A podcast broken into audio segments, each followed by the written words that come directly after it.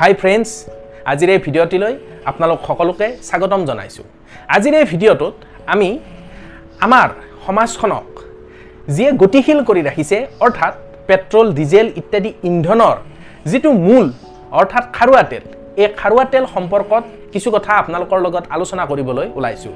গতিকে ফ্ৰেণ্ডছ আহক আজিৰ এই ভিডিঅ'টো আমি আৰম্ভ কৰোঁ।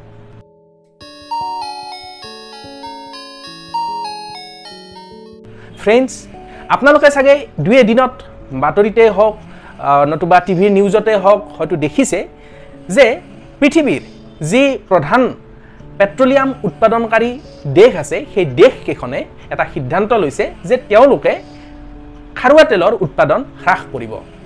গতিকে ফ্ৰেণ্ডছ আমি চাওঁ আহক যে ইয়াৰ ফলত আমাৰ সাধাৰণ জনসাধাৰণৰ জীৱন ইয়াৰ ফলত কেনেধৰণে প্ৰভাৱিত হ'ব পাৰে সেই সম্পৰ্কে আমি কিছু কথা চাওঁ আহক। এই ক্ষেত্ৰত প্ৰথমতে আপোনালোকক ক'ব খুজিছোঁ যে সমগ্ৰ বিশ্বতে যিকেইখন দেশে প্ৰধানত খাৰুৱা তেল উৎপাদন কৰে এই দেশবিলাকক অপেক কাণ্ট্ৰি বুলি কোৱা হয়। অপেক অৰ্থাৎ অ' পি ই চি ইয়াৰ যদি আমি ভাঙনি কৰোঁ এইটো হ'ব Organisation of Petroleum Exporting Countries অৰ্থাৎ এইকেইখন হৈছে এনেকুৱা কিছুমান দেশৰ সমষ্টি যিয়ে খাৰুৱা তেল ৰপ্তানি কৰে। আচলতে এই অপেক হ'ল এটা অৰ্গেনাইজেশ্যন আৰু এই অৰ্গেনাইজেশ্যনটোত বহুত কেইখন দেশ অন্তৰ্ভুক্ত হৈ আছে। এতিয়া আমি প্ৰথমতে চাওঁ আহক এই অপেক নামৰ এই অৰ্গেনাইজেশ্যনটোনো কেনেকৈ সৃষ্টি হৈছিল। ফ্ৰেণ্ডছ আপোনালোকে জানে যে আজিৰ পৰা প্ৰায় ষাঠি সত্তৰ বছৰ আগত বিশ্বৰ প্ৰায়ভাগ দেশেই বিভিন্ন ধৰণৰ ইউৰোপীয়ান দেশ যেনে ইংলেণ্ডে হওক ফ্ৰান্স ইত্যাদি বিভিন্ন ইউৰোপীয়ান দেশৰ কলনী অৰ্থাৎ ঔপনিৱেশিক দেশ হিচাপে কাম কৰিছিল।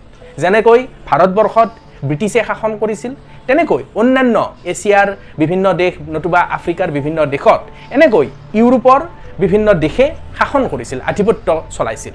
কিন্তু আমাৰ ভাৰত যেতিয়া স্বাধীন হ'ল প্ৰায় সেইখিনি সময়ৰ ভিতৰতে অৰ্থাৎ প্ৰায় ঊনৈছশ পঞ্চাছ চনৰ পৰা ঊনৈছশ ষাঠি চনমানৰ ভিতৰত বিশ্বৰ প্ৰায়ভাগ দেশেই যি পৰাধীন আছিল এইখিনি সময়ৰ ভিতৰত তেখেতসকলে স্বাধীনতা লাভ কৰিলে।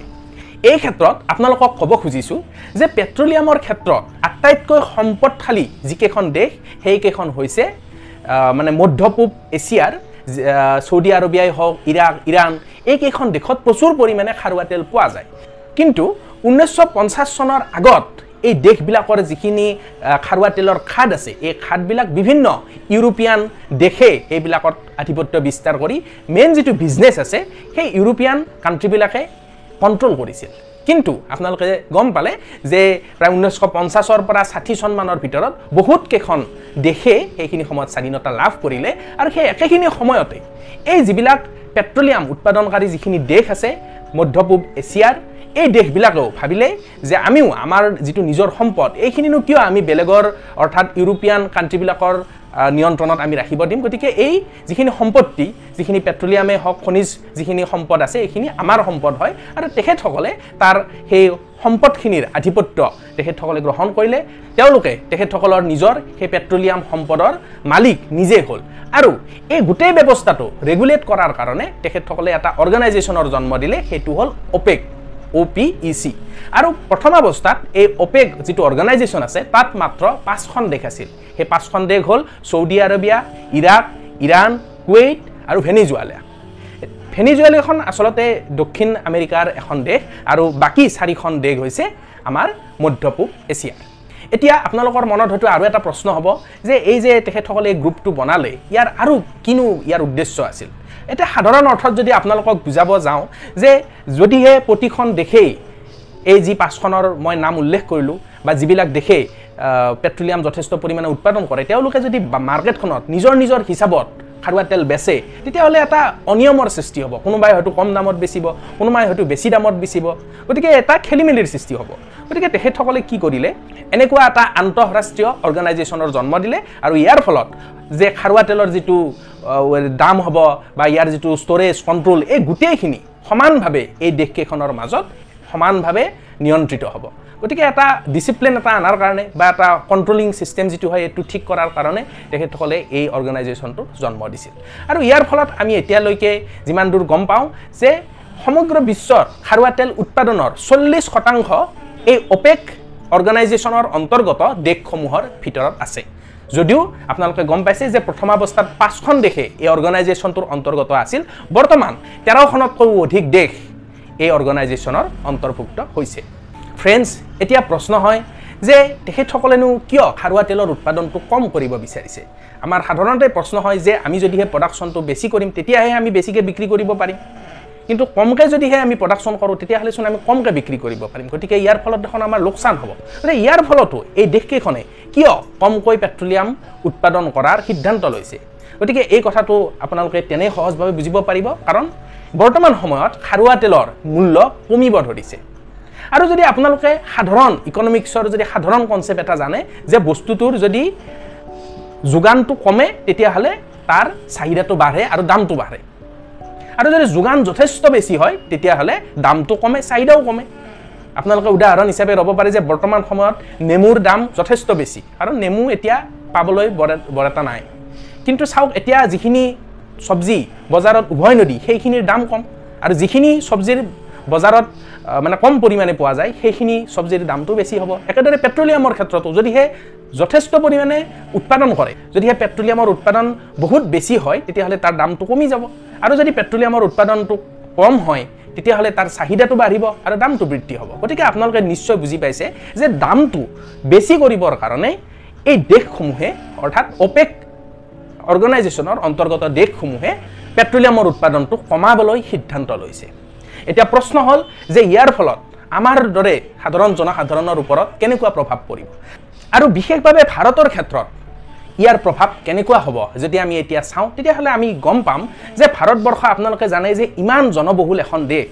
গতিকে ইমান জনবহুল দেশ এখনত যথেষ্ট সংখ্যক গাড়ী আছে যথেষ্ট সংখ্যক খাদ্যবস্তু ইত্যাদি প্ৰয়োজন হয়। যদিহে খাদ্যবস্তুৰ প্ৰয়োজন হয় সেই খাদ্যবস্তু এঠাইৰ পৰা আন ঠাইলৈ নিয়াৰ কাৰণে যিটো পৰিবহণ ব্যৱস্থাটো যিটো লাগিব তাতো ইন্ধনৰ প্ৰয়োজন হ'ব।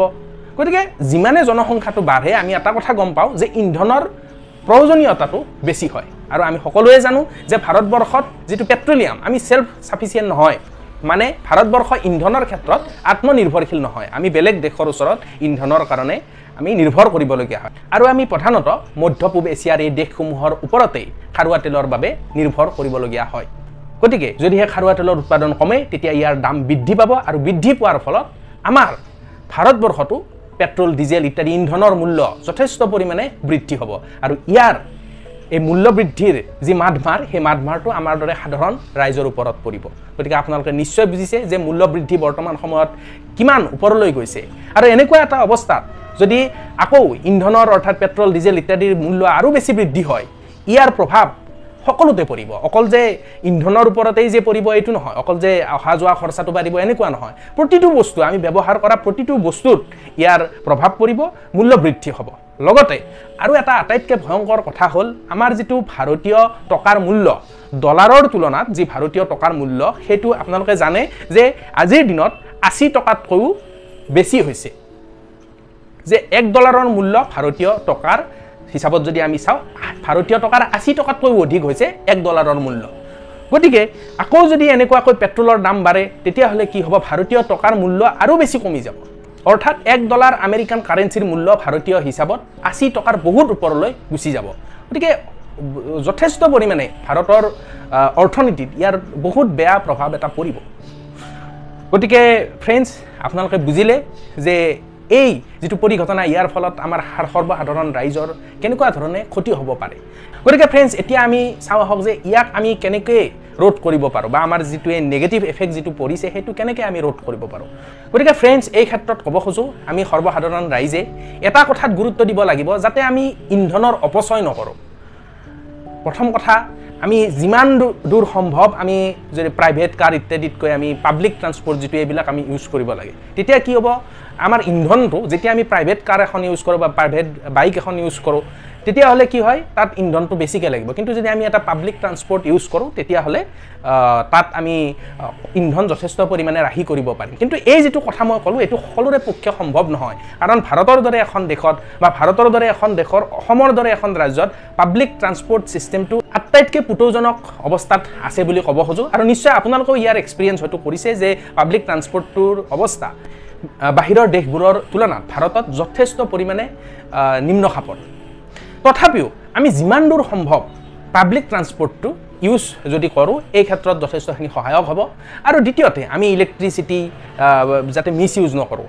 যদি আমাক প্ৰয়োজন নহয় তেতিয়াহ'লে অনাহকতে লাইট ফেন ইত্যাদিবিলাক যাতে জ্বলাই থৈ নিদিওঁ। কাৰণ এই ইলেক্ট্ৰিচিটি জেনেৰেট কৰাৰ কাৰণেও যথেষ্ট পৰিমাণে কয়লা মানে থাৰ্মেল পাৱাৰ প্লেণ্টত কয়লা ইত্যাদি জ্বলাবলগীয়া হয়। গতিকে আমি যদি ইলেক্ট্ৰিচিটিৰ অপচয়টো ৰোধ কৰোঁ তেতিয়াহ'লেও আমি ইন্ধনৰ কিছু পৰিমাণে হ'লেও আমি ৰাহি কৰিব পাৰিম।